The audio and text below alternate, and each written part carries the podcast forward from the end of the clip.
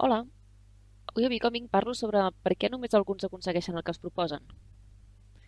Tots tenim desitjos i somnis de ser millors, tenir una vida millor i aconseguir el que desitgem, però sembla que només alguns ho aconsegueixen. Què fa que la majoria de nosaltres haguem de fer l'operació biquini cada primavera, o que cada inici d'any haguem d'apuntar els mateixos propòsits que l'any anterior, i que només alguns siguin els que ho aconsegueixen?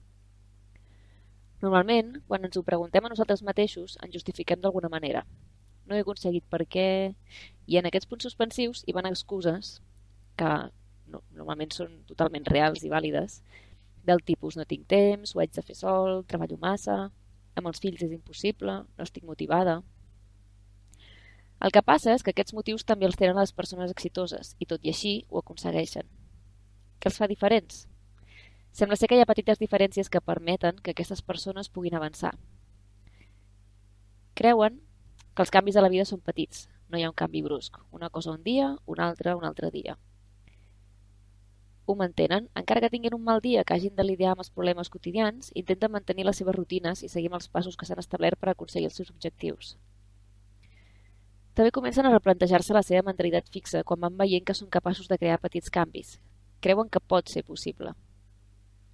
En comptes de veure les seves excuses com a motius per no aconseguir-ho, ho veuen com a obstacles a superar. Per exemple, d'acord, no tinc temps per fer X. Què puc fer per treure temps per fer-ho? i confien en que els petits canvis sumen. Els canvis es van convertint en permanents lentament, mica en mica.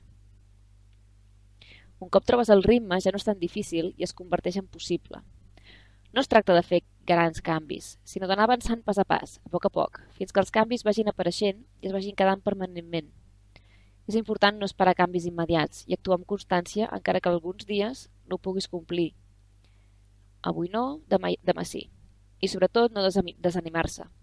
Si durant tres dies no ho has aconseguit, no abandonis, fes-ho al quart dia. Dos cops a la setmana sempre serà més que cap. No et castiguis. Si avui no ho fas, ho faràs demà. Si cada cop que no ho fas et castigues durament, inútil, ja ho has tornat a fer malament, ja ho has engegat tota la merda. Mines la teva autoestima i et serà cada cop més difícil continuar.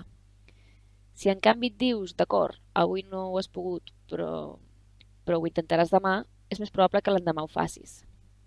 Sigues una mica compassiu amb tu mateix, però no abandonis. Resumint, què pots fer per sumar-te a les persones que aconsegueixen el que es proposen? Doncs canvia la teva mentalitat, deixa de pensar que tu no ho aconseguiràs i pensa que potser sí que ho pots aconseguir.